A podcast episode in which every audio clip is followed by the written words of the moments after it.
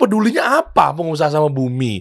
Ayo kita save bumi kita, bodoh amat. Yang penting gue kaya. Ngapain gue jaga lingkungan? Gak ada hubungan sama bisnis gue. Jadi eh, Kita kasih solusi. Saya yakin teman-teman juga merasakan hal yang sama seperti yang saya hadapi sekarang. Depan-depan saya ini ada orang-orang yang sangat luar biasa. Pinter sekali. Calon profesor ya, Bapak dosen Iman? amin insyaallah. Masya Allah, Pak Doktor kan di Universitas Erlangga, Surabaya.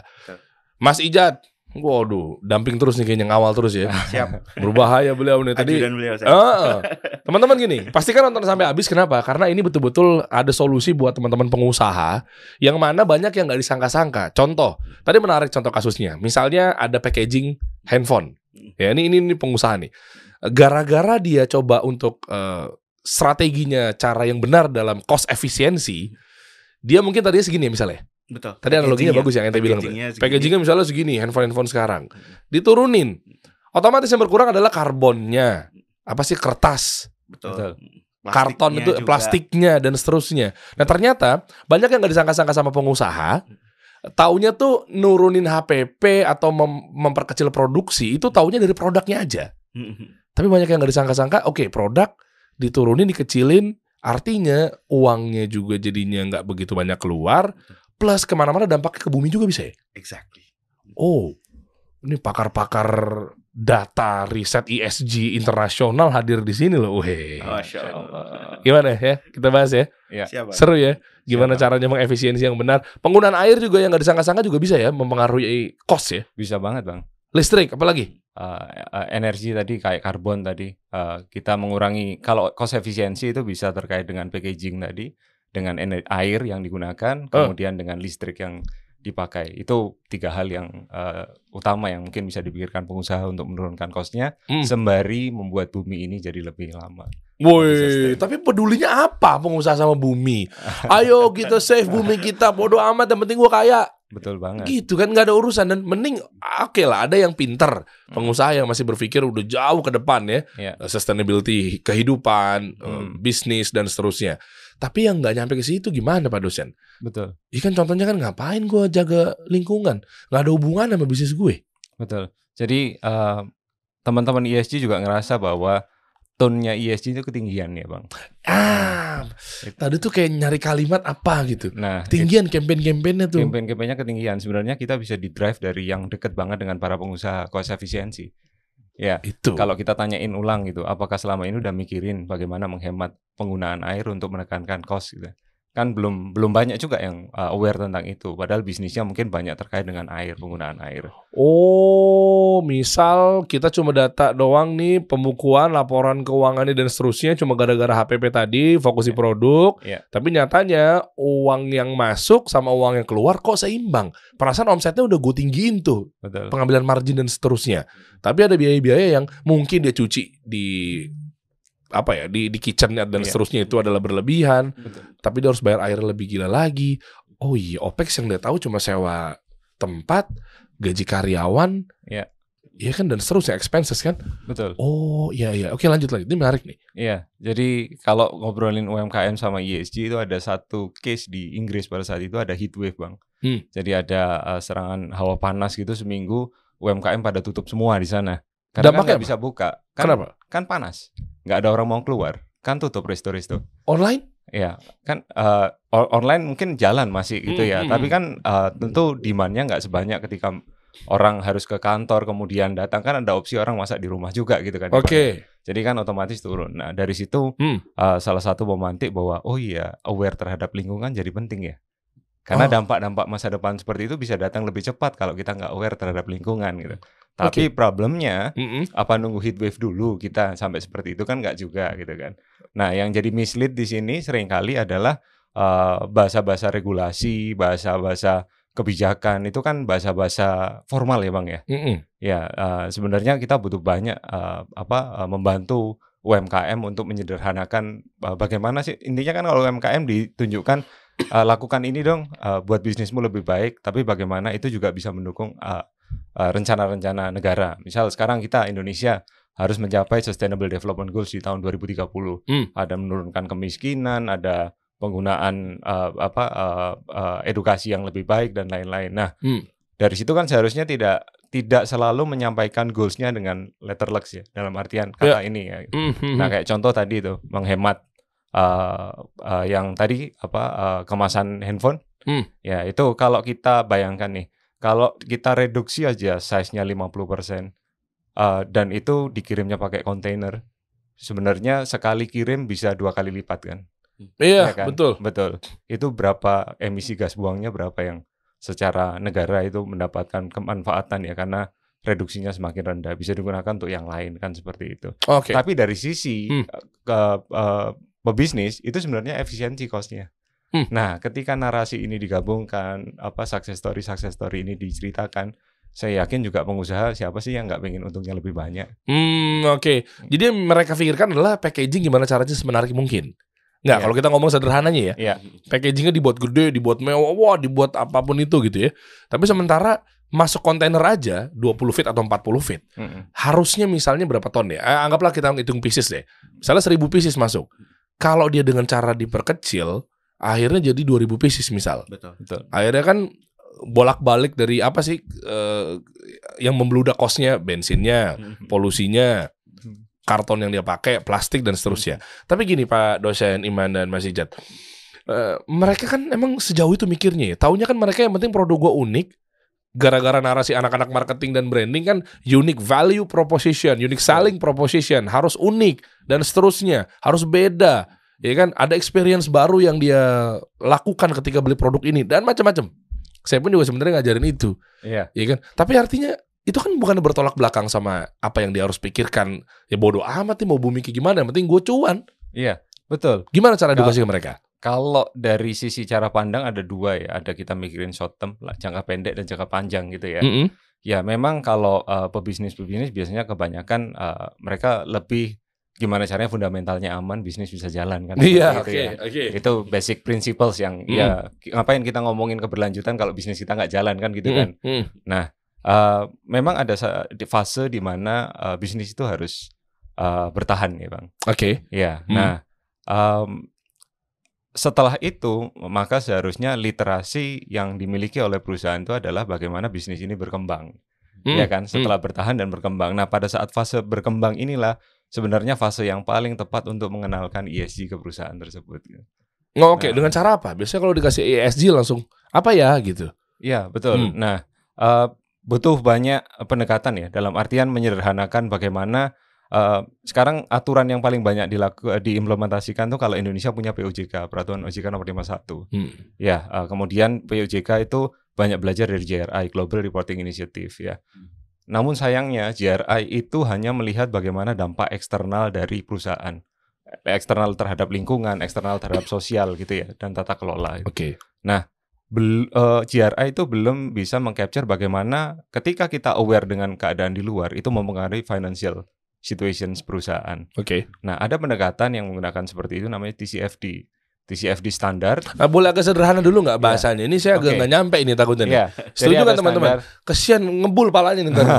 Maksudnya apa tuh Pak dosen? Iya. Eh. Jadi eh, selama ini kita ngajak perusahaan itu mikirkan eksternal, tapi mereka belum paham bagaimana dampaknya terhadap perusahaan mereka sendiri. Paling gampang kan ini ngurangin kos saya nggak? Iya. Ini ningkatin ini ini ningkatin penghasilan saya nggak? Heeh. Kan seperti itu. Heeh. Nah, nah aturan-aturan yang dibawa itu masih belum bisa merelasikan itu. Kenapa? Nah, karena memang aturannya belum belum terkait. Nah, sekarang Oke. lagi digodok 2024 nanti akan keluar tuh Hah. satu peraturan yang bagaimana caranya kita bisa peduli lingkungan tapi kita bisa mengukur dampak terhadap perusahaan kita. Hmm.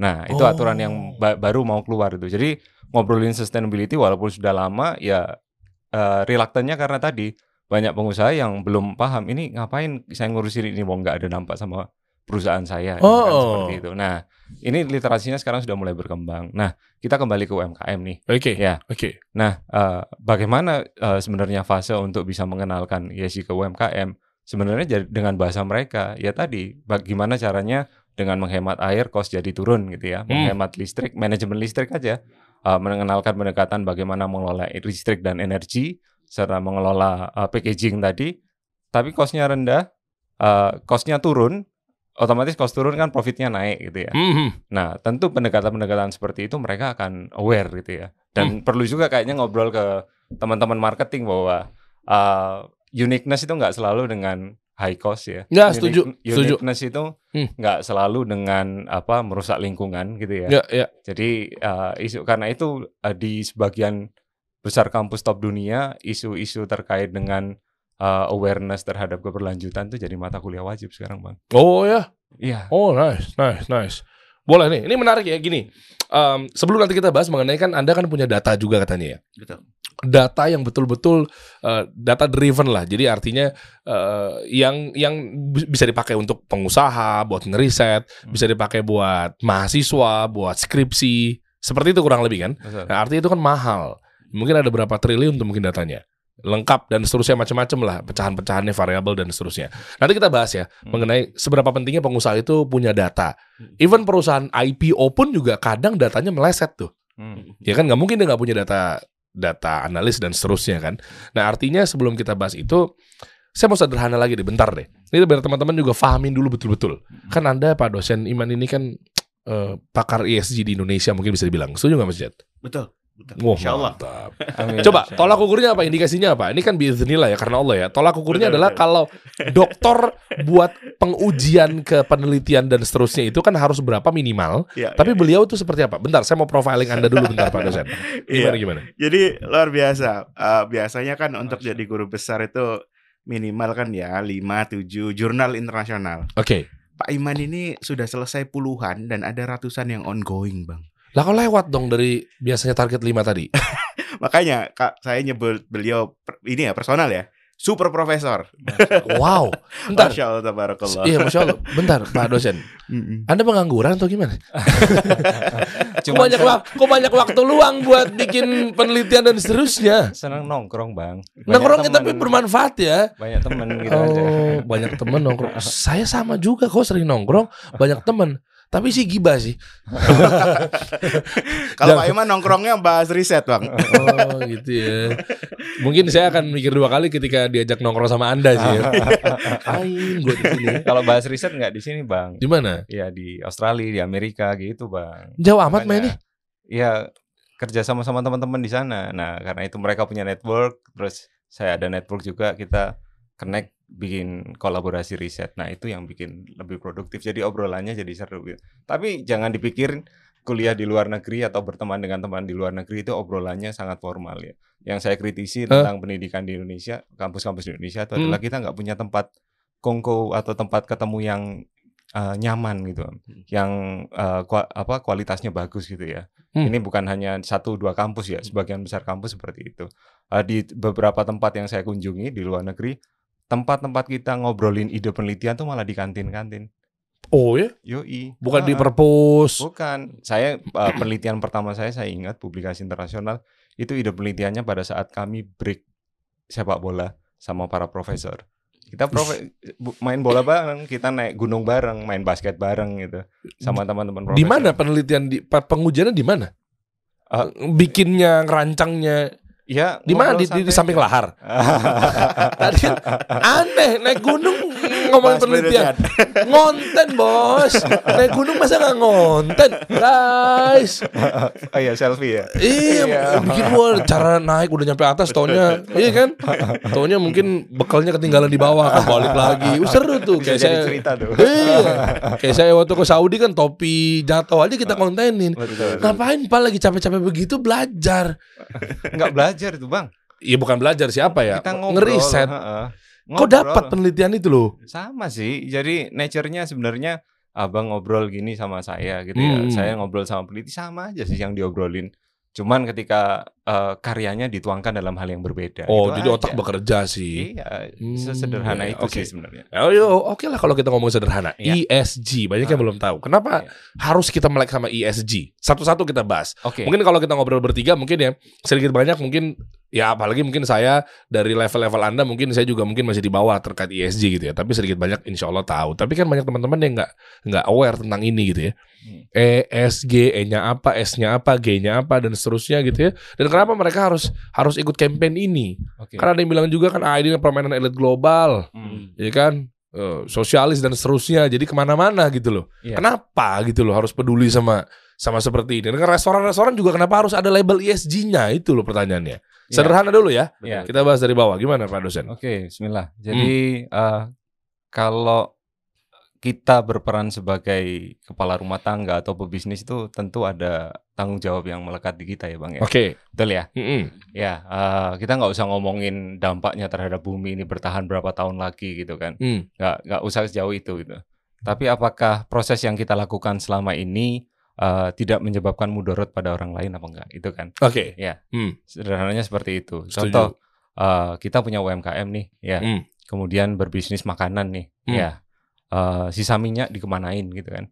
Gampangnya kan Oh, gitu. Iya. Buang lah. Buang, ya. Buang itu, Jelantah tuh. ya.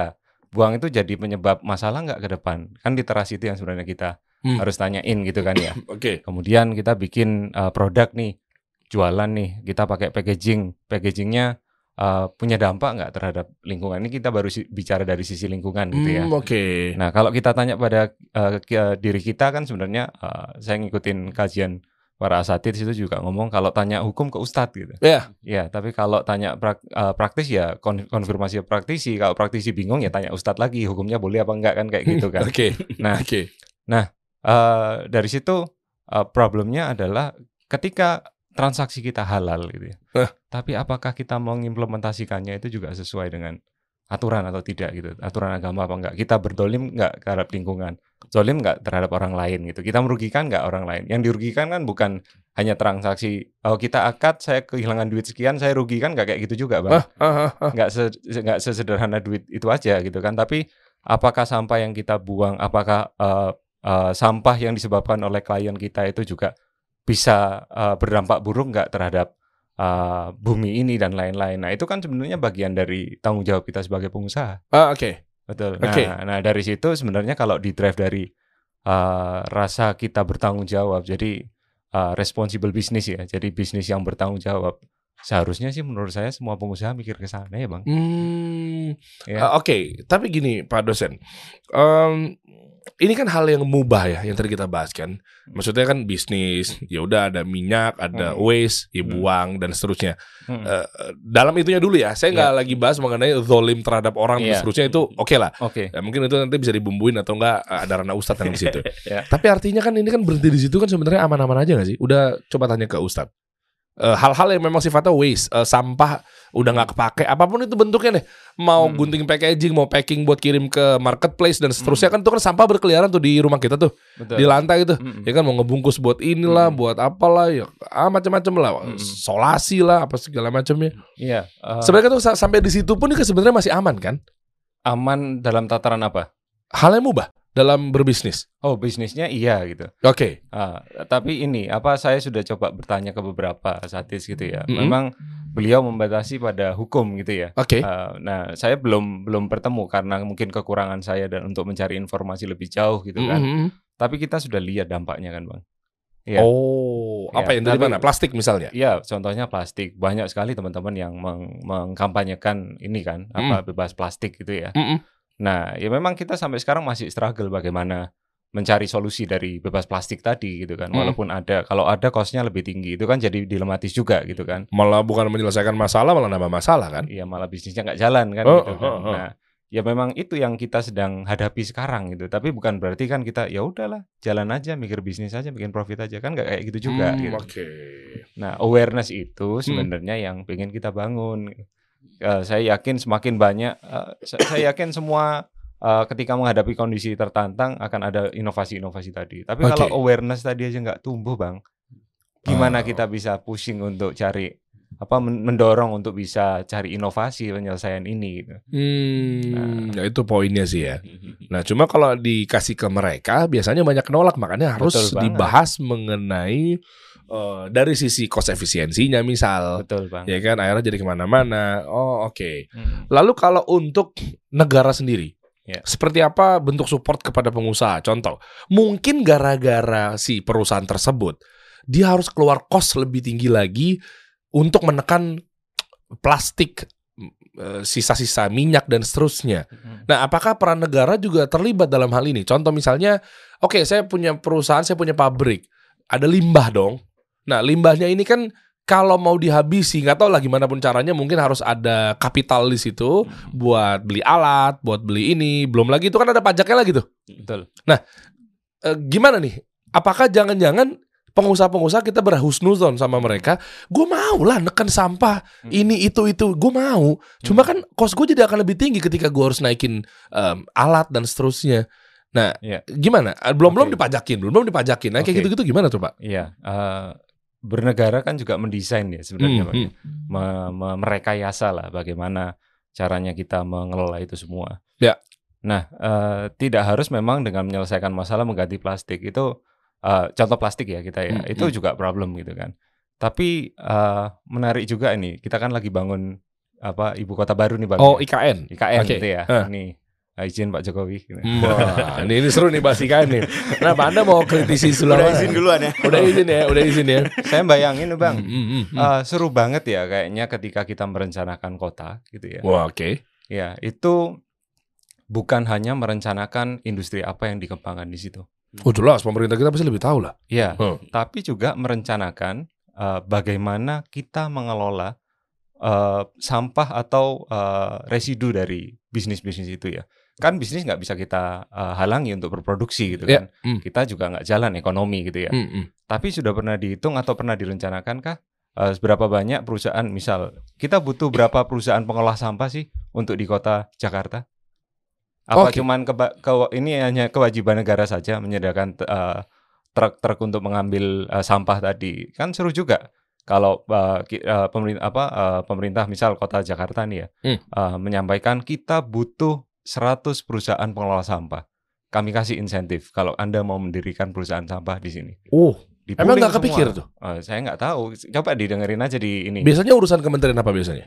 Eh, Pemberdayaan lingkungan, maritim. Iya, kalau Iya, terkait dengan biasanya. itu koordinasi ya bang ya, nggak bisa ber-rely on pada satu industri saja. Oke, gitu. sebutlah, name it lah. Apa biasanya yang eh, kalau ngomongin presiden berarti kan kita ngomongin para jajarannya dulu deh ya. Iya, Yang jadi, concern dalam hal ini siapa? Kementerian apa? Kalau kalau sampahnya kan Kementerian eh, Lingkungan Hidup ya, Betul. ya Hmm. Kementerian Lingkungan Hidup kalau sampahnya. Tapi kan penyelesaiannya nggak harus di Kementerian Be- Lingkungan Hidup, bisa jadi di Kementerian BUMN. Atau Hmm. iya kan Hmm. industrinya Eh, ya, Nen, ya. Ya, perindustrian juga, Menko juga gitu ya. Oke. Nah, eh, oke, state kota ini butuh berapa peng- perusahaan pengolah sampah sih? Nah, dari situ nanti akan muncul industri baru kan, Bang? Ya. Iya. Oh. Eh, ba- sampah tadi terus juga butuh bera- berapa banyak sih perusahaan yang bisa menghemat air? Kita kenal di Indonesia ada PDAM ya yang Ya. meng- ya. Hmm. Tapi eh, kita banyak dengar cerita tentang kualitas dan lain-lain gitu ya. Hmm. Tapi saya nggak pernah dengar tuh tentang sebenarnya efisiensinya uh, penggunaan air terus bagaimana industri bisa mensupport untuk mengefisiensikan penggunaan air itu kan nggak ada kalau semua itu direncanakan dalam Hmm. membangun kota kan jadi seru bang ya Oh. uh, atau dianalisa nih sekarang saya Hmm. tinggal di Surabaya gitu Hmm. ya Surabaya industrinya uh, berapa banyak sampahnya ya Hmm. Uh, selama ini sampah dikumpulkan dibuang ke TPA gitu ya dikelola juga gitu Hmm, kan ya hmm, hmm. tapi uh, kita tahu juga bahwa banyak sekali sampah yang nggak dikelola yang itu butuh jutaan tahun di ini ketika sampah itu sekarang kan susah kita minta orang-orang ya Ya. yang literasinya juga belum kita uh, apa kita intervensi gitu ya Ya. kita terus minta mereka sadar mereka harus memilah sampah kan juga Oh susah susah. Ya kan. Nah, tapi kalau ada perusahaan kan biar mereka yang mikir gimana caranya mereka bisa mendapat. Hmm. Nah, jadi kita kita menstimulasi itu banyak pekerjaan baru yang bisa di di ini Bang, di apa dihasilkan dari situ. Oke.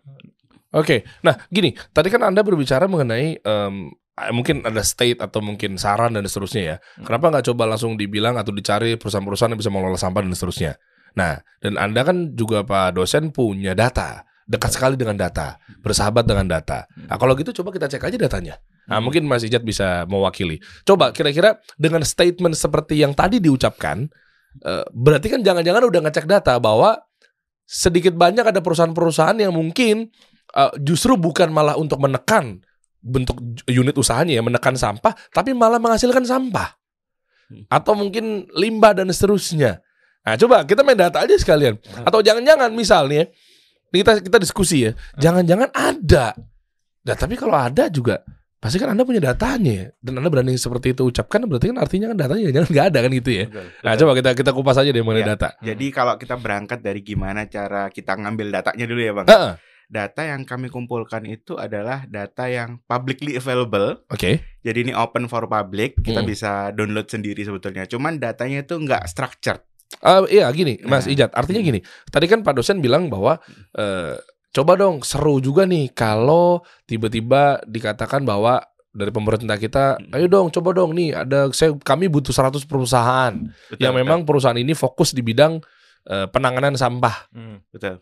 Artinya dengan state seperti itu, jangan-jangan Hmm. Jangan-jangan udah ngecek datanya karena Anda deket sama data, memang nggak ada datanya perusahaan yang bisa menekan sampah gitu loh. Hmm. Nah, Hmm. tapi saya butuh datanya. Bener nggak kira-kira betul-betul nggak ada perusahaan yang fokus untuk eh, mengurai sampah dan seterusnya? Ah, itu tuh. Nah, itu menarik karena beberapa di antara listed companies itu memang biasanya urusan-urusan seperti itu kan dikerjainnya di vendor ya. Ah, ah, oke. Jadi ada vendornya masing-masing. Nah, kalau itu di disclose di laporan mereka yang kemudian kita kumpulkan datanya, Oke. kita tahu. Tapi kalau nggak di disclose kan kita nggak tahu, Bang. Nah, Hmm. ini nih berarti kan selain datanya ada tapi unstructured, beberapa juga datanya juga belum lengkap. Nah, itu perannya Pak Iman kebantuin perusahaan-perusahaan itu biar datanya itu bisa lebih lengkap terkait Oh. ESG-nya. Sehingga kalau datanya lebih lengkap, Oh, oh. kan data yang sama ini bisa kita kirim ke pembuat kebijakan ya. Kita kita Oh. bikin policy brief, kita menasihati pemerintah gitu ya istilahnya ya. Oke. Dengan cara yang instan lewat riset-riset yang kita kumpulkan dari data itu. Yang ada kayak gini, yang nggak ada kayak gini, yang nggak ada bisa kita usulkan untuk riset lanjutan. Yang Oh. sudah ada bisa langsung kita rekomendasikan. Kalau perusahaannya ada bang, gitu. Oh, tapi oh. apakah cukup untuk mengelola sampah yang sebanyak ini kan itu kan? Oh, nah itu. Nah itu. Ah, keukur bahwa jangan-jangan ada datanya. Hmm. Tapi mungkin oh kelihatannya dari ini ya, dari data bukan data yang di Yang kita collect. untuk Hmm. dikolek Hmm. tapi data dari berita ya tentang sampah tertimbun Betul, begitu-begitu betul, ya. betul, Ketahuan betul, berarti nggak ada yang betul. ngurusin ya. Iya, jadi kalau eh, in- apa eh, inisiatif pemerintah udah banyak bang, Hmm. gitu ya. Tapi maksudnya eh, eh, obrolan di sini itu kan juga untuk eh, raising awareness ya, untuk meningkatkan Hmm. kepedulian gitu ya bahwa Oke. oke pemerintah sekarang ngasih insentif beli kendaraan listrik ya, Hmm. mungkin denger ya, Iya, Bang, iya, ya. tahu, tahu, tahu. Sekian potong apa dikasih bantuan sekian gitu ya. Oke. Nah, tapi tadi eh, eh, saya belum dengar nih, mungkin saya juga ya yang keterbatasan pengetahuannya Mm. terkait dengan tadi bagaimana kalau kita sudah tahu bahwa sulit nih untuk mengajak UMKM gitu ya untuk aware tentang uh, keberlanjutan gitu ya. Oh, iya. Nah, berarti kan kita punya butuh alternatif solusi kan, Bang. Ya itu. Ya, yang tadi yang uh, ya kita cari bagaimana agar sampah-sampah ini tidak uh, tidak uh, apa ya, tidak di- ter- tidak terkelola dengan baik gitu. Oh. Kita bikin suatu model yang bagaimana kita bisa mengelola ini secara terstruktur gitu. Hmm. Dari kebijakan kementerian tadi. Ya kalau pemerintah bisa memberi insentif untuk perusahaan yang menjual mo- mobil listrik, kenapa pemerintah Hmm. uh, itu isu itu kan belum tergaung, belum ini banget ya, belum banyak terdengar ya. Oh ya udah Nah. kalau gitu saran saya mendingan kalau Hmm. anda punya data, Ya. coba kerjasama aja sama kementerian-kementerian terkait. itu yang Iya, Ah. art- terus dibuka. Kan tadi kan kendalanya kan Mas Ijit bilang bahwa kita nggak dapat akses. Tadi ya, yang Ya, saya dengar ya. salah satunya kita eh, lengkap, lumayan lengkap, tapi Eh. kan nggak selengkap itu juga gitu Betul, kan. betul. Ada yang Artinya tetap kita nggak tahu juga. ya kan. betul ada akses-akses yang ditutup Betul, betul. dalam arti apa pun itu ya. Maksudnya Ya, untuk ya, untuk ya. eh, mungkin eh, ditutup dalam artian nggak sebebas itu terpublikatif dan seterusnya. Eh, coba dibuka aksesnya sehingga akhir pencarian data bisa bisa Jadi lebih tercapai kaya ya, Bang, jadi ya lebih kaya data masuk teman-teman dari eh, pemilik data ini atau mungkin yang concern para data berhasil ngambil. Hmm. akhirnya baru ketahuan nih oh ini loh. Ah, oke. Tadi kan apa Mas Jit bilang kenapa tertutup datanya? Nggak bisa semuanya? Ada beberapa yang nggak lapor apa segala macam? Bukan. Emang secara regulasi nggak semua data itu publicly available kan? wajib Nggak- dilaporkan, Nggak tidak. semua wajib dilaporkan gitu. kenapa? Nah, karena nggak semua perusahaan juga TBK atau IPO Iya, ada beberapa ada regulasi yang mewajibkan pun juga perusahaan yang eh, TBK Mhm. itu juga mereka ada eh, poin-poin yang mereka voluntary, boleh secara sukarela Oh, melaporkan, boleh iya? tidak.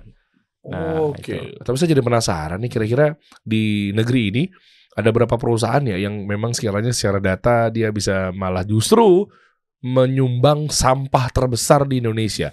Berapa persen sampah di Indonesia? Wah itu kita harus konfirmasi lagi ya bang ya. Hmm. Tapi kalau misalnya kita bicara yang agregat aja ya. Yang Mhm, agregat mhm. itu ntar bisa dicari di internet banyak datanya. Mhm. Itu kira-kira eh, penghasil emisi lah ya, bukan sampah ya, lebih umum Oh, emisi lagi. boleh. Oke. Emisi 70% itu memang majoritinya adalah dari industri, Bang. Gitu. Oh ya. Jadi 70% eh, emisi di dunia bahkan ini ya, Oh, dunia ya. dunia. Oke. gitu. Tapi ya berarti Indonesia ya kurang lebih sama lah ya Heeh. harusnya. Itu kira-kira dari industri majoritinya. Industri. Betul. Makanya Apa Pak jenis Iman, produk? Ah. Pak Iman eh, kepingin bantu lewat ESG ini kan ESG ini kan yang ditargetkan memang industri ya, Bang. Heeh. Kalau industrinya bisa kita bantu supaya lebih ESG, kan 70% masalah emisi ini bisa Berkurang. langsung berkurang. Jadi nyerangnya itu kita langsung ke sumber masalah ya, Bang. Oh, wow, wow, wow, wow, wow. Bukan, Jadi- ini Oh, eh, bukan berarti perusahaan ini bang ya, ba- mereka punya niat untuk tidak eh, tidak peduli tentang itu ya. Mm, Tapi kan kalau saya lihat dari kualitas pelaporan perusahaan di Indonesia dibandingkan perusahaan top di dunia itu gapnya masih tinggi bang. Oke. Ya, nah itu yang sebenarnya kita pengen masuk, kita pengen jadi partner mereka lah untuk berdiskusi. Ini Hmm. loh, peersmu di industri yang sama di luar negeri udah kayak gini nih mereka inisiatifnya gitu ya. Mm-mm. Nah, kemudian dikaitkan dengan lokal konteks di kita Hmm. di ya, Indonesia gitu. Lokal wisdomnya apa, problemnya apa. Problem salah satu problem terbesar kita kan ada kemiskinan juga gitu ya. Hmm. Pertanyaannya nih paling gampang, seberapa ba- berapa banyak sih perusahaan TBK di Indonesia yang mensupport pemerintah untuk me, ini apa Menekan me- angka kemiskinan. angka kemiskinan dan itu Datanya? nah, itu itu yang kita coba masuk agar pemerintah juga uh, uh, support untuk menyediakan data terkait hal tersebut. Nah, kita contohnya nih, sekarang uh, ada kawan-kawan dari salah satu lembaga pemerintah yang telepon, uh, Mas Iman tolong dihitungin dong uh, kontribusi uh, perusahaan IPO di Indonesia terhadap Sustainable Development Goals dan pencapaian keberlanjutan negara di 2030 gitu. Hmm, oke. Nah itu mereka juga nggak punya data gitu kan. Nah otomatis kan Masa kita iya perlu. Mereka nggak punya data Pak dosen? Iya, Karena mereka punya Realitas. tim data. Iya, walau walau mungkin fokusnya belum ke sana juga gitu kan. Oh, Ini ya? kan lagi raising issues, isunya lagi tinggi ya. Jadi em, saya melihat triple helix kita yang memang harus dikuatin ya bang ya. Hmm. Bagaimana caranya akademik bisa mensupport bisnis dan pemerintah, bisnis mensupport akademik dan pemerintah, pemerintah mensupport akademik dan bisnis itu kan Hmm. itu uh, di pengalaman saya waktu kuliah di Hmm. beberapa negara uh, mereka kuat sekali untuk hal Hmm. tersebut gitu. Tapi begitu saya pulang lihat textbook buku saya ngajar akuntansi bang. Hmm. Iya buku akuntansi itu contoh-contohnya perusahaan asing bang. Ya, Ush. Itu bukti bahwa akademisi kita nggak dekat dengan industri kan. Iya Oke. kan? Itu Oke. kan salah satu buktinya kalau mereka pakai contoh perusahaan-perusahaan. Misal nih buku akuntansi contoh pencatatan akuntansinya kasih solusi nih. Misalnya, Bah, ini kan, iya, itu iya, kan iya. sinyal tuh. Mau dicek dulu mau Sekalian bantu kita IPO juga boleh. Oke. Ya, ya, ya. itu kan sinyal ya bang ya. Nah itu itu yang jadi apa? Jadi salah satu problem. Begitu bang. Oh, Ya. masya Allah. Memang kalau kita ngomongin tadi ya industri Hmm. yang penyumbang emisi dan seterusnya itu ngeri sih ya. Maksudnya juga sebenarnya heran-heran nggak heran sih. Ada kewajaran juga di sini ya. Karena memang industri kita kan ya ya loss aja udah Hmm. dan seterusnya gitu. Tapi ya. emang mau nggak mau ya mereka kesulitan juga kan bang. Makanya kita harus hadir sebagai mitra mereka buat bantuin gitu. Kadang-kadang Oke. niatnya mereka emang sebenarnya mungkin udah husnudonnya itu udah kepingin bagus gitu ya. ya ya ya. Tapi kan terbatas inisiatifnya. Ini gua harus ngapain lagi nih gitu kan. Iya. Lah database yang tadi dihimpun sama teman-teman dari UNER di lead sama Pak Iman ini Oke. itu bisa menyediakan insight itu bang. Uh, Gitu. Jadi gokil. Contohnya kayak kemarin kita bantu salah satu TBK di Indonesia ya. Oke. Mereka fokus di telekomunikasi gitu ya. Apa tuh kalau boleh tahu? Yang warna mana? Merah, Eh, kuning. ki- kita mungkin bilangnya salah satu yang terbesar gitu aja ya. Oh. Heeh. Yang kantor- Soalnya belum oh. belum iklan dikasih solusi kan? Belum, ya? belum, Nah, belum, nah, belum. Ntar coba kita telepon ya Oh, bang. iya. boleh boleh saya tebak nggak? yang di daerah Jakarta Jangan Pusat. bang, jangan bang, Oh. jangan bang. Nggak aman bang. Deket BI Karena nggak? karena kita karena kita nggak boleh disclose kan Oh, bang. Itu kan boleh, rahasia boleh. klien ya. Kita ada NDA lah. Oke lah kalau gitu Ah. kita tutup mulut ya. Oke. Eh, eh, Lah tapi eh, dari kemudian kita bantu Mm-mm. bikin eh, ngumpulin data insight-nya itu, Hmm. ternyata industri telekomunikasi di seluruh dunia Hmm. itu mereka buat nge-address masalah ESG-nya itu begini, begini, begini, begini. Itu kita datanya ada. Akhirnya dari situ mereka belajar bang. Nah, berarti kalau kayak gitu, kenapa kita nggak dari dulu kayak gitu gitu? Oke, kebermanfaatan dia untuk eh, jangka panjang perusahaannya, Exactly. sustainability. Exactly dan ke- kalau misalnya mereka bisa lebih bagus ya ESG-nya Mm, di mm, di perusahaan mereka, Mm. investor sekarang itu kan lebih happy untuk invest ke situ. Apa goalsnya mereka apa? Mindsetnya apa? Kenapa harus pasti, dia? pasti investment bang? Kalau listed companies kan mereka kepengen punya ini ya reputasi yang baik ya. Oke. Salah satu reputasi bentuknya adalah ESG. Nah ini saya punya data menarik nih. Hmm. Jadi total aset under management dunia itu Hmm. duit di dunia itu kurang lebih ada 100 triliun US dollar bang. 30% dari aset 100 triliun US dollar itu adalah aset yang sudah ratednya itu ESG aset. Dan Oh, itu terus berkembang. Nanti jadi 50 triliun US dollar. Artinya kan ke depan ini semua investor duit itu larinya ke ESG semua. Kalau industri kita itu terlambat buat belajar tentang ESG, Hmm. gak dapet investment, gak bisa berkembang. Itu kan yang kita khawatirkan kan. Nah, Hmm, jadinya oke. kita dorong sebisa mungkin semuanya buat eh, belajar tentang ESG biar kalau mau ekspansi, mau tumbuh, investor itu udah nggak tanya-tanya lagi tentang gimana environment lo, gimana social konteks lo, gimana governance lo karena udah pada jago nih tentang ESG-nya dibantuin sama UNER. Harapannya begitu. Hmm. Oh, Karena kan oke. ESG ini sebenarnya kalau dipikir-pikir ya Bang ya Mm-mm. ini kan nggak jauh-jauh ya sama yang namanya makosid syariah ya. Kan kita Oke. eh, gimana caranya bisa habluminal nasnya lebih bagus, Mm-mm. social impact-nya ya. Mm. Terus habluminal alamnya juga bisa bagus, nggak zolim ke lingkungan. Oh, Jihad aja kita nggak boleh nebang pohon kan. Ya, ya. Apalagi kita nggak jihad ini cuman melakukan aktivitas bisnis yang kata antum mubah tadi kan. Mm, ya, ya. Nah, apalagi itu kan. Hmm. Jadi nggak cuman halal doang, tapi juga harapannya bisa toyib ya Pak Iwan ya. Allah. Itu itu yang kita bantu. Jadi Mm. dengan eh, teman-teman itu menerapkan ESG harapannya mereka nggak sekedar halal tapi juga bisa lebih tohib. Oh, nah Masya dengan Allah. itu kan Ya. makosid syariahnya nanti bisa lebih berjalan. Ah, Oke. Gitu. Ini kita cek lagi nih tentang ESG nih. Ini menarik nih ya. Thank you Mas Ijat. Gini, uh, ESG ini kita berangkat dari stigma. Ya. Oke. Stigma ESG ini kenapa sekalinya melekat banget sama global, Ya. dunia, Mm. ya. Terserah deh mau tuh bilangnya ke elit global dan seterusnya. Ya. Sehingga ada beberapa beberapa mau dilabelkan ke personal Ya. atau ke korporasi, Mm. jika ingin mendapatkan label ESG harus ikutan aturan main. Hmm. Sampai di situ saya setuju. Ya.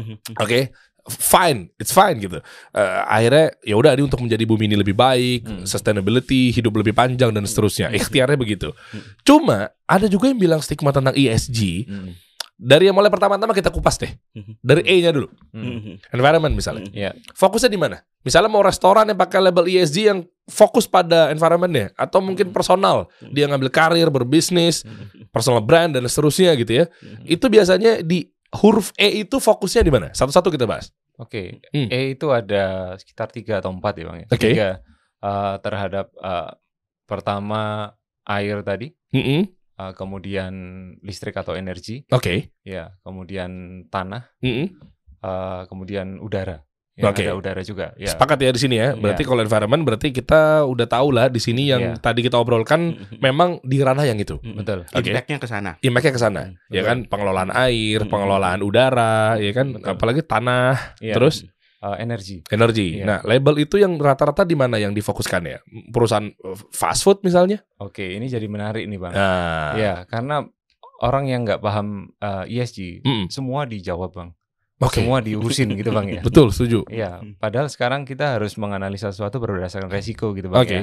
Kalau misal eh, terkait dengan eh, fast food company tadi ya, Mm-mm. nah eh, yang paling banyak mungkin terkait dengan eh, kalau misal kita jual daging gitu kan, Mm-mm. ada emisi gas buang juga kan bang. Oh, pasti. Udah. Iya, Iya, nah, pasti. ya itu. Nah itu apa? Itu hal yang sebenarnya bagaimana mereka bisa punya inisiatif untuk menurunkan itu. Kalau enggak, kalau mem- apa menjadikan zero kan nggak mungkin bang ya dalam Mm-mm, waktu sekarang. mm-mm, mm-mm. Nah, inisiatif-inisiatif itulah yang kita sekarang sedang berlomba-lomba untuk mencari solusinya gitu loh, Bang. Oke. Menurunkan tadi, menurunkan uh, punya inisiatif agar menurunkan sampah baik dari emisi, da, me- mengefisiensikan penggunaan listrik maupun uh, air, penggunaan air. Nah, Mm-mm. itu sebenarnya tujuan uh, kenapa uh, campaign environment itu digaungkan. Hmm. Ya, nah uh, agar itu tercapai, uh, maka perlu insentif-insentif kan. Hmm. Ya, nah itu yang se- sekarang sebenarnya masih jadi PR kita semua. Kalau ngomongin standar, bang, tadi yang abang bilang, Hmm. itu banyak banget, bang, standarnya. Di iya? dunia itu lebih dari lima kali, bang, standarnya, bang. itu. mana yang diikutin kan tanyanya gitu bang. Dan yang berhak memberikan label siapa? Oh, Gua labelin lo di environment lo udah good, lo udah lolos, tervalidasi. Siapa? Mm-mm. Ya ada perusahaan-perusahaan yang mengklaim mereka bisa me, me- me- apa melabeli itu gitu. Contoh misalnya survei, itu kan Ya. biasanya ada Nielsen dan seterusnya. Ya ada Sustainalytics, ada MSCI. Nah itu mereka juga lembaga-lembaga yang apa eh, me- memberikan label itu. Oke, pertanyaannya restoran fast food di sini ada yang udah kena label yang baik gitu positif, tervalidasi dengan environment? Eh, sekarang penetrasinya itu masih di top companies bang, di company-company gede ya. Yang Apakah dia sudah melakukan itu? Kan ada yang bilang katanya ayamnya ayam begini, minyaknya minyak begitu, tapi dia tetap Iya. dapat label environment. Ya itu uh, walau alam ya eh, Oh. ten- tentang bagaimana inisiatifnya. Tapi Yang depannya M. ya, saya kan pikir- saya emang suka gitu main pinggir-pinggir.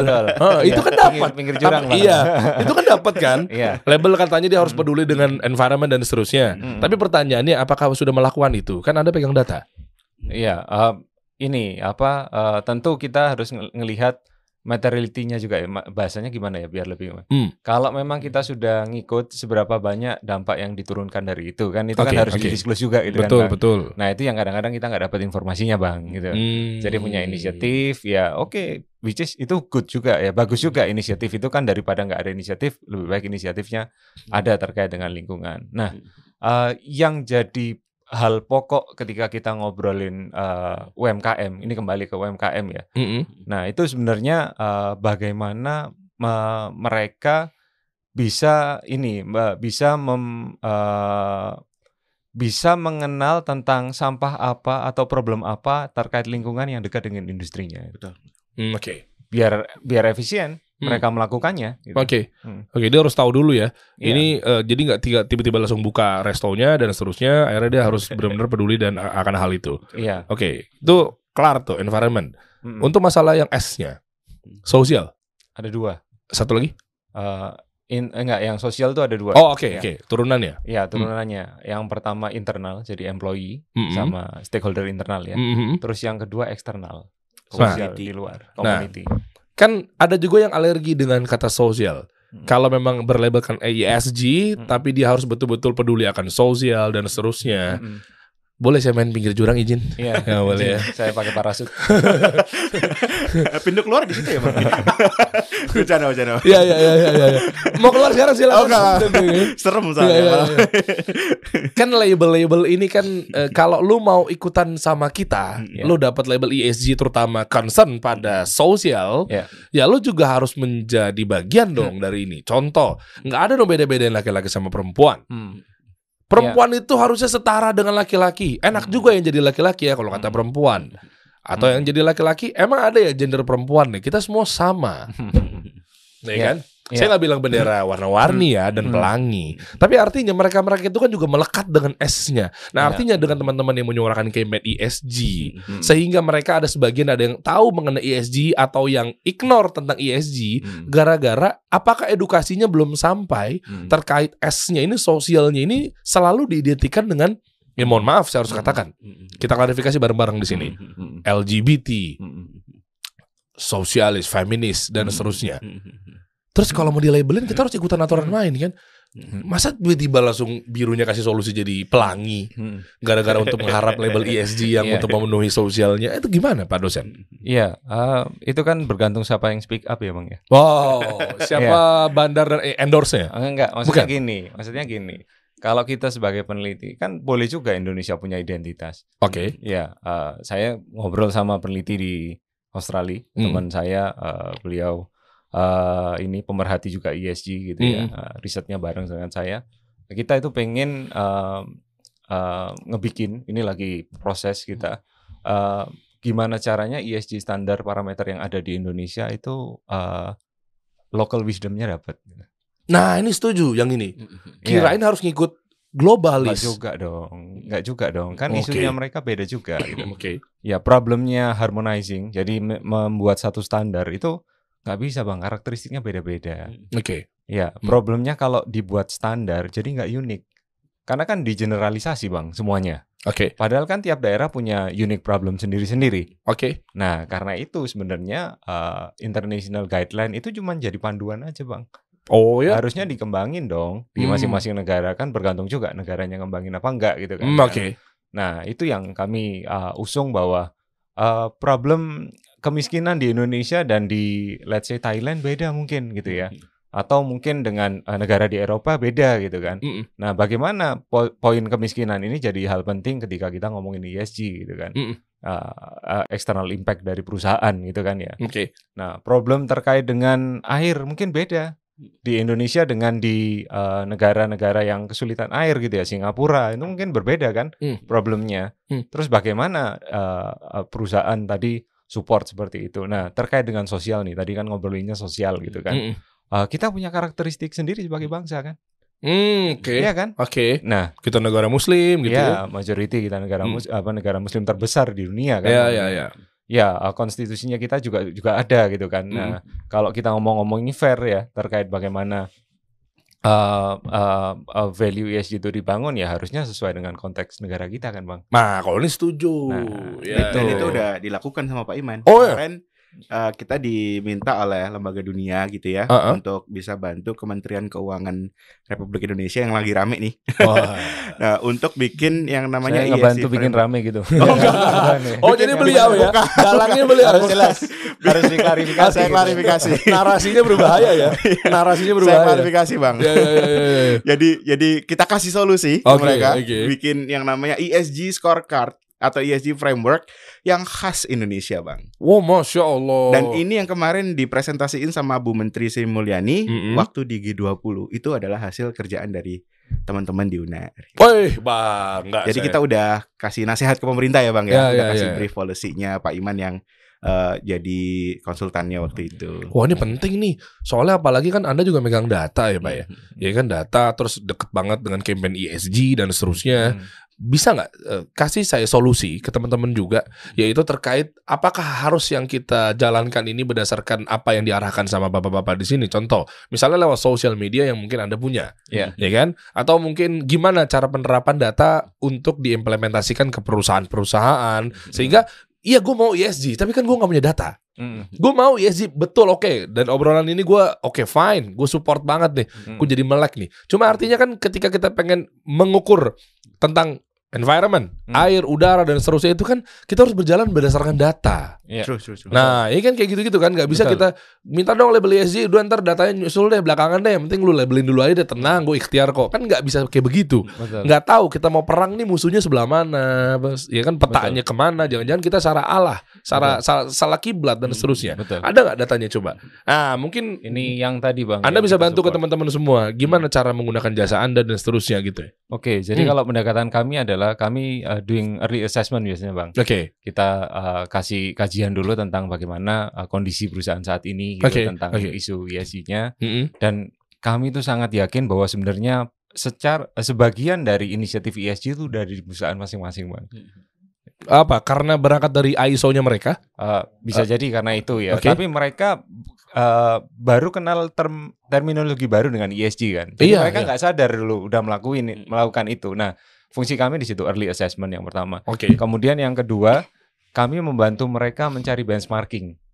nice Ya. Nah, jadi ya Insight yang tadi, Bang ya. ya ya jadi kalau kita jadi manusia udah ada role modelnya Rasulullah Muhammad SAW. seperti ya. Salam. ya Nah, kalau kita mau bisnis yang bagus, kita juga harus cari dong peers kita yang di industri yang sama, yang kira-kira inisiatifnya sudah lebih bagus dari kita. Hmm, Kita belajar dari situ. oke Dan hal yang menarik, perusahaan besar di Indonesia nih, Mm-mm. ya ketika kita bandingin dengan peersnya di luar negeri yang top companies juga, uh, dari misal, let's say ada 15 poin ESG yang jadi uh, 17 SDG poin ya, Mm-mm. yang jadi fokus ya.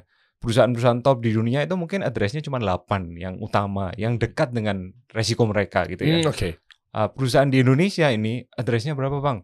15 bang. oh ya Iya. Dari 17 15 di address. Kalau kita ngomongin Wow. pertama itu juga cost kan. ya iya Iya. Mm-mm. Kan kita harus efisien juga bagaimana addressing. Jadi uh, pendekatan kami adalah kita bantu perusahaan untuk mengenal tentang resiko yang melekat pada mereka terkait ESG dulu. Ah. Jadi nggak ikut-ikutan aja bang, ikut Ya. ini, ikut sana gitu kan. Ya, Jadi ya, mereka ya. punya standpoint. Oh iya, ini problem yang sesuai dengan corporate culture kami. Jadi kami address ini. Ini problem yang memang jadi problem Indonesia gitu. Jadi kami hadir di sini untuk mensupport juga Indonesia dalam eh, mencapai keberlanjutan. Wah Nah, itu- keren. Program 2030 jangan mau kalah sama Saudi. Saudi udah ngerancang dari sekarang tuh. Iya bang. iya kan. Muhammad bin Salman udah woro-woro kan. Betul, betul, betul. WhatsApp saya tuh Salman. Salman yang di Yang mana? Ada Salman Subarkah CEO-nya si Oh? Paragon Wardah sih. ya kan saya kan Siap, belum siap, selesai siap. ngomong. Betul, betul, betul. Saya juga kenal beliau kan. Siap. Heeh. agak deg-degan juga. ya, ya, ya. Coba kita lihat dong. Mau dong eh, kira-kira udah berapa data yang mungkin kita ngomong data dulu ya. Ya, ya. Yang diambil sama teman-teman yang mungkin dipergunakan. Katanya dengar-dengar mahasiswa aja berapa data tuh? Iya, jadi eh, tadi kita ngomongin banyaknya industri bang ya. Hmm. Yang gimana kita. Jadi kalau dua hal yang kita lakukan itu adalah research dan impact. Oke. Ya kita doing research agar kita belajar terus juga. Oke. Kita banyak koneksi, banyak masukan. Jadi prinsipnya di dunia akademis itu kan kita open minded bang ya. Hmm. Jadi, nah itu yang terus kita iterasi terus pengetahuan itu biar kita Hmm. belajar terus. Terus yang kedua ngedeliver impact. Impact ini ada dua. Pertama industri, industri itu ada top company sama SME, eh, UMKM. Oke. Ya. Terus yang kedua adalah peneliti, mahasiswa dan peneliti. Hmm. Nah khusus untuk mahasiswa kita menyediakan satu platform namanya ESG Dataset. Itu untuk membantu mereka mendownload data dengan eh, dengan mudah gitu ya. Hmm. Me- me- tahu isu-isu tentang penelitian ESG dengan mudah, kemudian eh, datanya available di situ. Kita udah mensupport sekitar 1.200 mahasiswa bang. Wow, Sampai seriously. detik ini untuk nyelesain inskripsi mereka gitu. Oh, masya Allah. ya, tapi kita nggak bantu mereka dalam hal eh, udah kita kerjain semuanya jadi nggak kayak Jadi gitu. joki Oh. bukan loh bang. Oh, saya Bukan pikir anda loh, Bang. joki juga bukan ya? Harus hati-hati nih bang. Iya, iya. Jadi selain jadi, gitu. selain jadi dosen sampingan kalau nggak itu. gitu.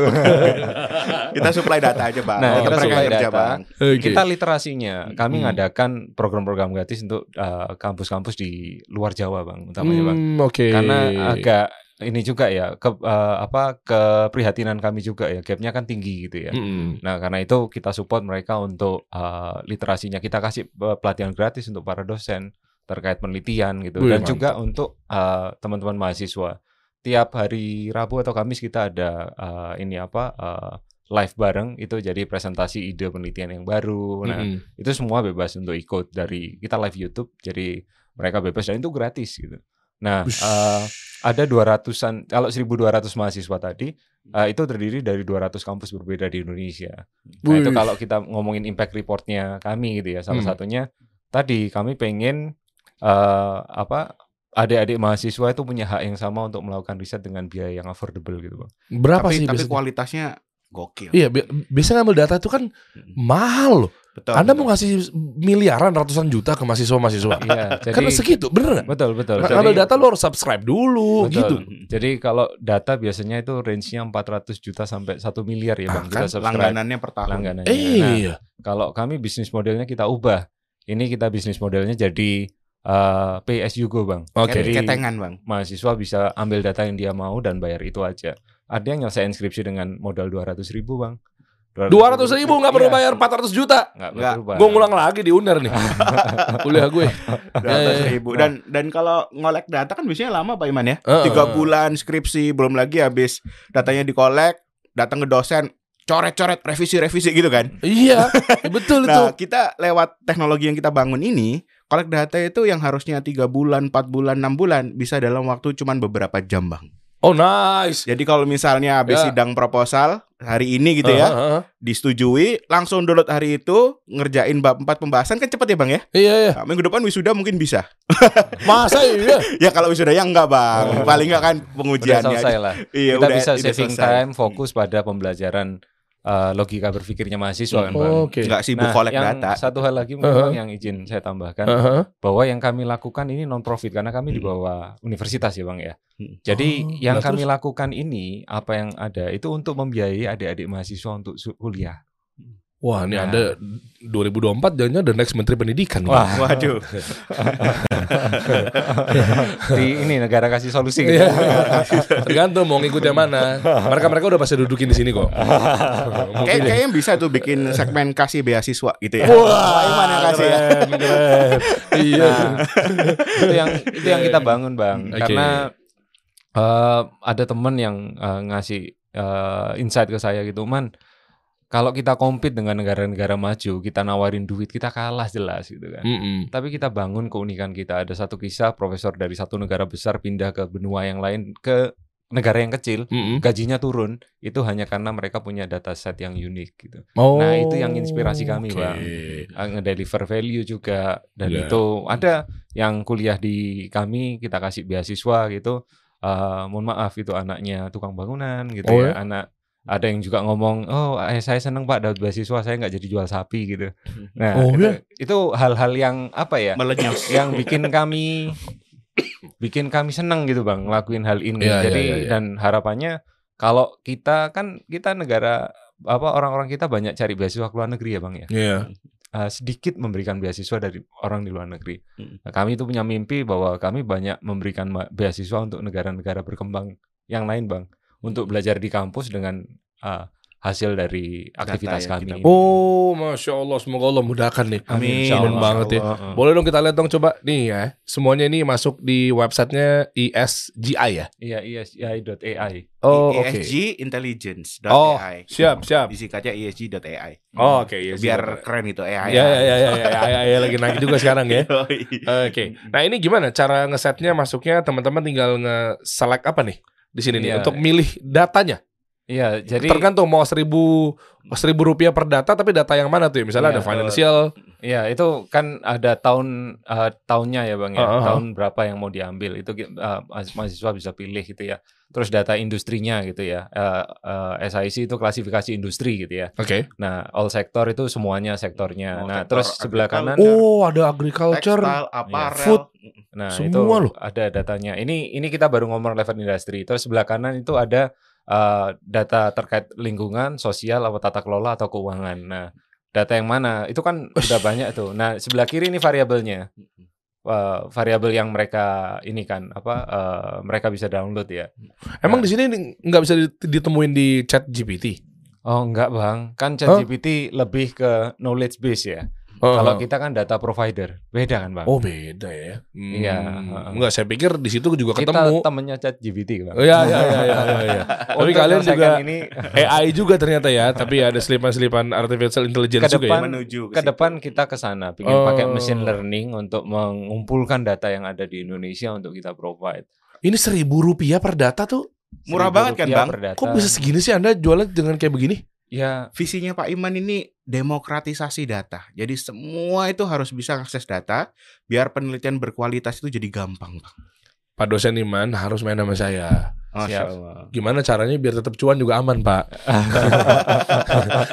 Di kolaborasi. Siap, siap. Jangan Ini- dikasih murah-murah kayak Oh, begini siap, banget. siap, siap. Ini mahal. Wah ini, ini hasutan Dan. Jangan Saya terganggu Dan. hasut. Hah?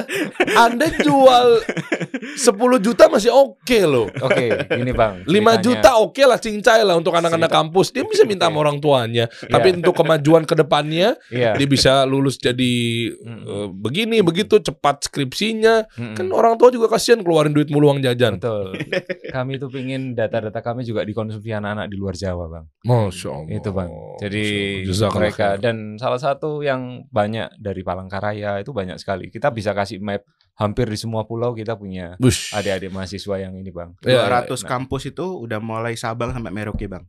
Oh ya. Jadi startupnya UNER ini sudah dikonsumsi oleh 200 kampus di seluruh Indonesia dari ujung Ush. sampai ujung. Masya Allah. Masya Allah ya. Mm-mm. Bismillah. Dan murah. Ya, murah. Belum lagi nanti ada korporasi-korporasi yang memang membutuhkan data ini juga bisa ya. Jadi Oh, nggak anak-anak kampus Nah, doang ya. Ini ceritanya adalah Uh-uh. bahwa sebenarnya eh, kita tahu yang di pocket yang dompetnya dalam sama dompetnya nggak dalam tuh siapa? Tahu, kan mahasiswa kan nggak dalam. Ya, dompetnya. makanya ini ya. Nah ini, nah Oke. karena itu yang impact tadi yang kita ke company dan lain-lain itu memang itu untuk mensubsidi adik-adik mahasiswa tadi itu bang. Oh, Gitu. tetap jadi pitching ke kampus-kampus kayak misalnya tuh ke kementerian dan seterusnya, misalnya kantor apa segala Iya. macam gitu ya. Itu Iya. di luar ini ya. Di luar ini. Di luar ini ya? Karena Di luar ini. Biasanya perusahaan atau pemerintah Hmm. itu memang eh, kalau cuman dikasih data mentah gini, Mm-mm. itu ngolahnya masih panjang kan, Oh Bang? iya iya iya. Mereka kan lebih seneng dapat ya udah wisdomnya aja Oh, gimana, langsung. insight-nya aja gimana. Hmm. Nah, itu kita sekalian ngolahin dari data mentah itu kita olahin dengan tim research dan tim consulting kami. Mm-mm. Mereka udah dapat matengan, Bang. Enak kayak Wih, yang mantap. tadi Ane contohin, mereka Iya, langsung iya. kebuka wawasan. Oh, kita bisa begitu ya? Mantap. Iya, Pak. Gitu. Kita juga invest adik-adik bang. Eh, ada yang kita kirim ke UC Berkeley untuk ambil executive education. Oh ya. Ada yang kita kirim ke Cambridge untuk ambil Hmm. circular, econ- circular economy gitu ya.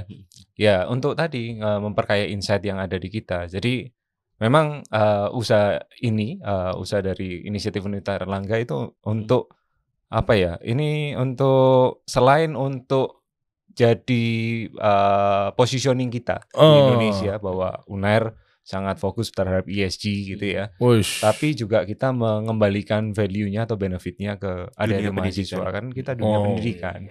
Bagus tuh pengiriman ke Berkeley dan seterusnya gitu ya. Iya, Tolong belajar. jangan kirim saya ke Suriah ya.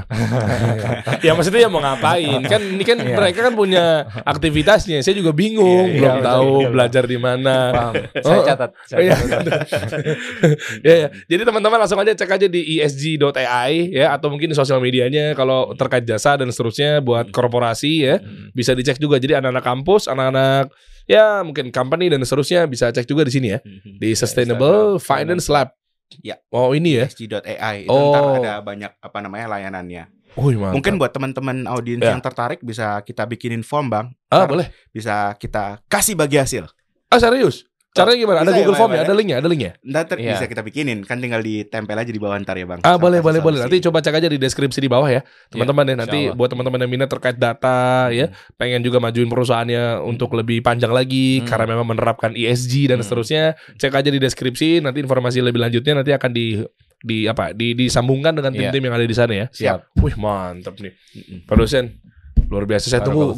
Allah yubarik fiik. Saya tunggu gelar Amin, profesornya ya. Insya Allah bang. Masya Datang Allah. ya. Ah boleh. Tapi kok nggak botak belakangnya? ya? Ah, Kan profesor bisa ada botaknya. kena Kay- headset. kayaknya baru karena baru ratusan jurnal internasional. Kalau udah ribuan mungkin Iya. baru. Nggak, Jadi- itu, itu kemurahan Allah semua lah bang. Gitu, bang. Allah. Bismillah. Nah, berapa tahun berapa tahun antum?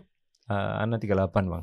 38 udah mau profesor Beliau ini muda dong. kalau apa namanya tahun ini insya Allah udah turun profesornya. Beliau ini profesor termuda di UNER. Mas. Dan sekarang juga beliau jadi ini direktur global engagement yang ngurusin duta besarnya UNER lah di dunia internasional yang merupakan direktur termuda juga di UNER. Jadi masya Allah. Makanya saya banyak belajar ini sama beliau Bang Kan Dery. umur nggak ada yang tahu ya bang. Iya, iya, Semaksimalnya memaksim apa memanfaatkan waktu. Mas, Itu aja, insya Bang. Allah, Insya insya Allah. Banyak belajar. Bu Risma bangga nih punya Pak dosen seperti ini dari UNER ya. Masya Allah. Masih Bu Risma gak sih? Enggak, udah gak ya? Enggak, Pak Udah, Eri. Pak Eri Cahyadi. Oh, iya. Oh, harus- Bu Risma ke Kementerian. Surabaya Iya. kayaknya bang ini. Bu Risma udah ke kementerian ya. Betul, betul, Kementerian. Sosial ya? Kalau yang ketua alumni Eri kita mau yang diundang. Iya. kenapa kenapa? kalau mau apa namanya eh, yang di ikatan alumni kita ketua alumni kebetulan Bu Gubernur ya. Oh. Iya. Jadi Bu Risma itu udah ke kementerian apa ya? Kementerian Sosial. Sekarang Kemensos itu. Kementerian apa? Sosial.